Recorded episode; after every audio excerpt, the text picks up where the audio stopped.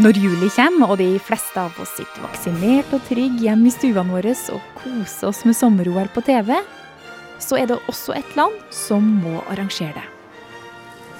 The games of the 32nd Olympiad in 2020 are awarded to the city of Tokyo. Men japanere flest er ikke interessert i å ha det i det hele tatt. For dette OL-et har kosta landet milliarder av kroner, og frykten for korona er veldig stor. Men må de på liv og død arrangere dette mesterskapet, eller kan Japan finne på å trekke seg nå?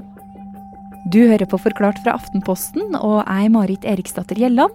I dag er det tirsdag 1. juni.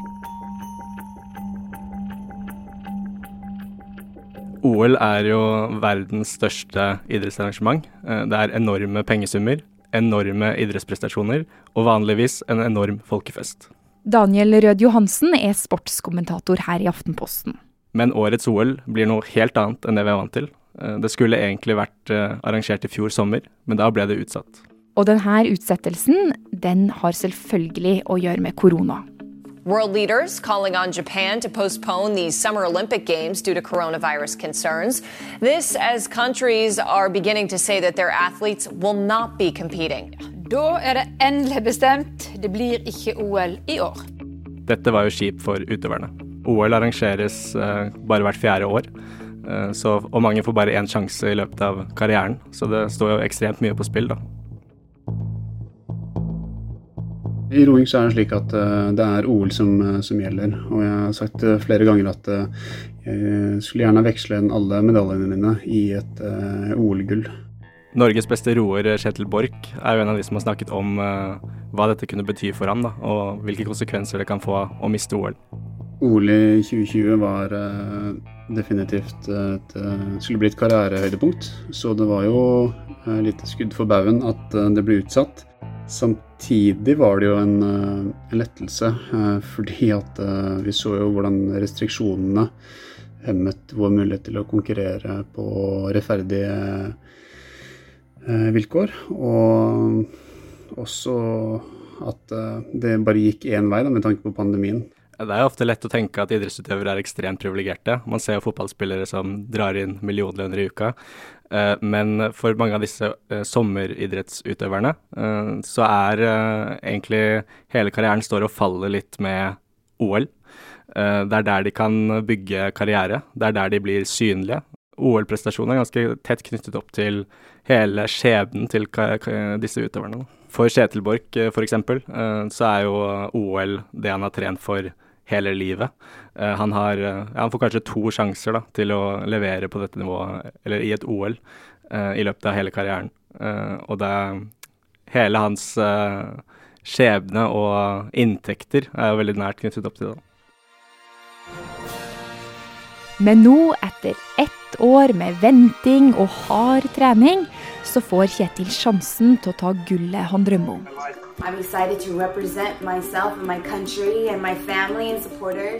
OL i Tokyo starter 23. juli. De aller beste idrettsutøverne fra hele verden kommer til Japan. Never giving up on our goals and dreams. That what drives me every day and motivates me to work and get up and do the things that I do. I decided not to give up, and that's part of the Olympic spirit. De skal slå rekorder, vise hva de har jobba for hele livet, og kjempe for sitt land. Og det får millioner av TV-seere over hele verden. Men så er det én hake, og den er ganske stor.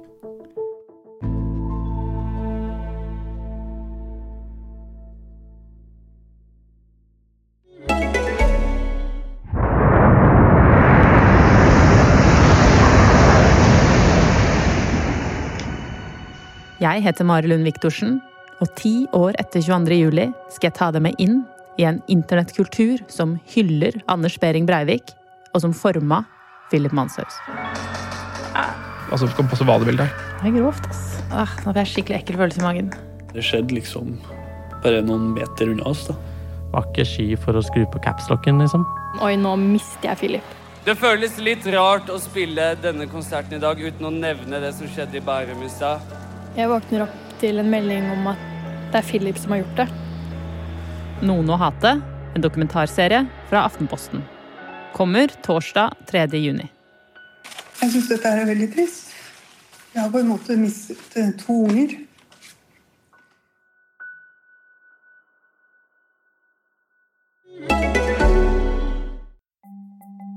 Når Japan nå skal arrangere OL, så trosser de flertallet av sine egne innbyggere sin vilje.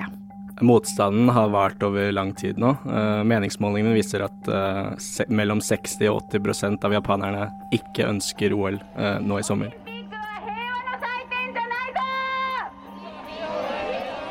Og nå den siste måneden så har folk gått ut i gatene og protestert.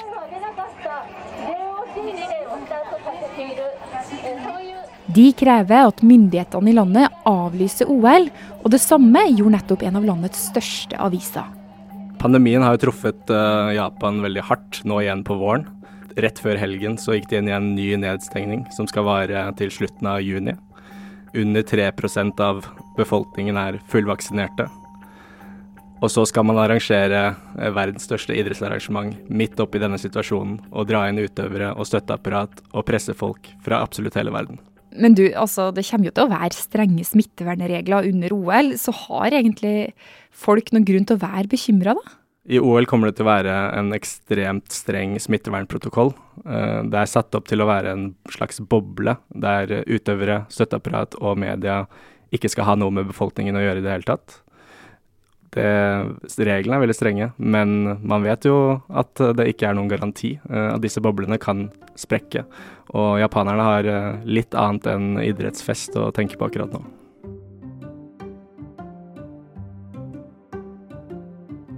Og så er det én ting til. Og det er at OL koster penger. Nye idrettsanlegg må bygges, andre må oppgraderes. Og for Japan bidro heller ikke utsettelsen på ett år noe særlig positivt til prislappen, som nå er på minst 128 milliarder kroner. Alt i alt er det noen gode grunner til å ikke arrangere OL. Så hvorfor blir det likevel noe av? Stikkordet er Den internasjonale olympiske komité, IOC. Dette er en global idrettsorganisasjon som eier rettighetene til de olympiske leker, og som også er dem som eh, deler ut arrangementet til eh, land som søker. Bestemmer hvem som skal få det, rett og slett? Ja. Du, det er jo fortsatt korona i verden, så hvorfor kan de ikke bare vente med OL til pandemien er under kontroll? Eh, altså, IOC får eh, størstedelen av inntektene sine gjennom eh, de olympiske leker. Så hvis uh, OL ryker, så vil jo det få kolossale innvirkninger på deres økonomi. Og det vil også ha konsekvens at Eh, nasjonale forbund, som f.eks. også i Norge, vil få mindre penger. Fordi eh, en stor del av pengene som IOC drar inn, eh, drypper ned da, på de nasjonale idrettsorganisasjonene, som igjen går til utøvere som vil satse i ulike land. I år så fører strenge smittevernregler til at det går dårlig med billettsalget til OL. Utlendinger får ikke komme til Japan for å se på, og det er fortsatt usikkert om japanerne selv får sitte på tribunen. Og de her sviktende billettinntektene de blir røde tall i Japan sitt budsjett. Men for IOC så ser ikke OL like rødt ut. For de tjener pengene sine på TV-rettigheter. Så det vil jo si at så lenge lekene kan vises på TV, så får de pengene sine. Og da er de fornøyde.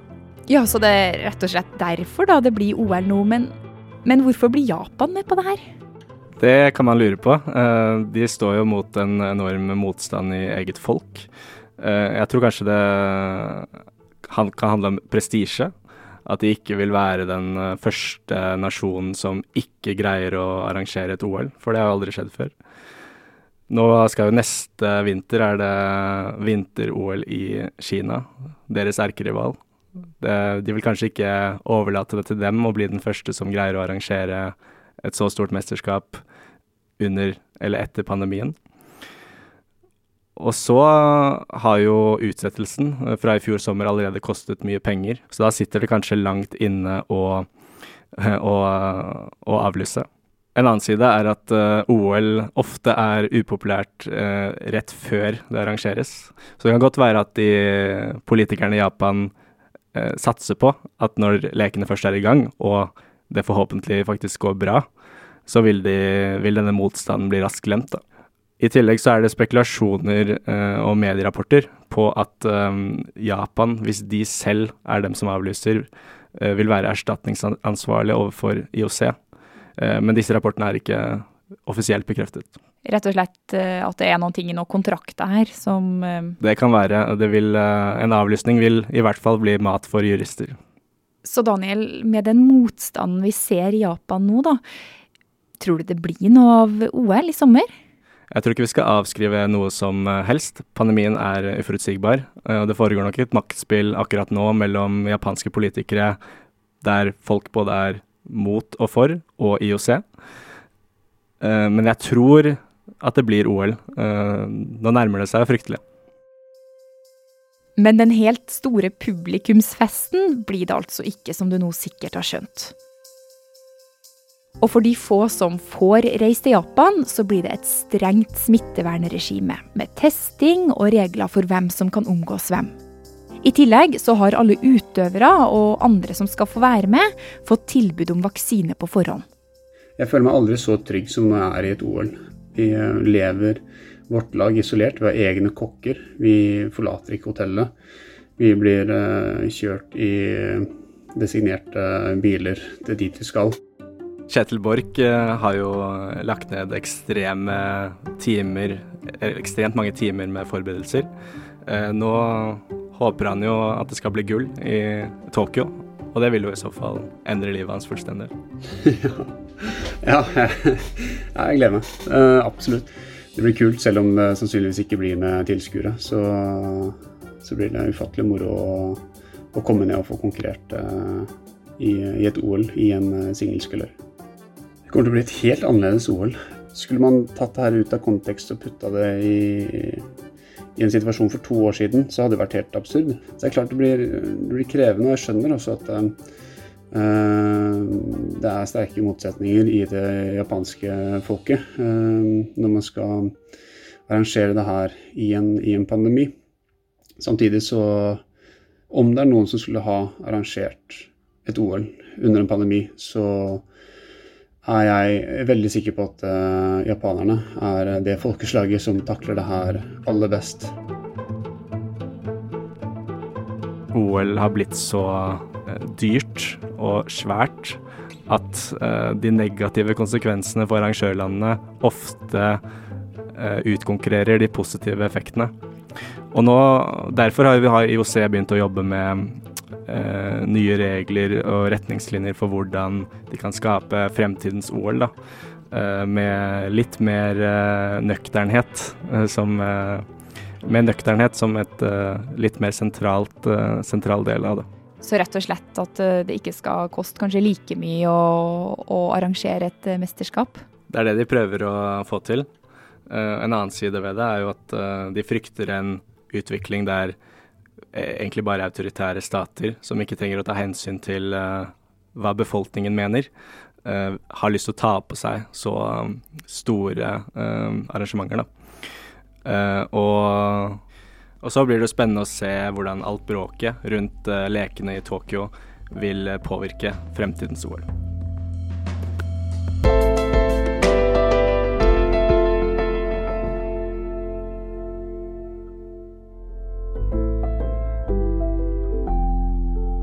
Denne episoden var laga av produsent Fride Næss Nonstad og meg, Marit Eriksdatter Gjelland. Resten av Forklart er Ina Swan, Anne Lindholm og Guri Leiel Skedsmo.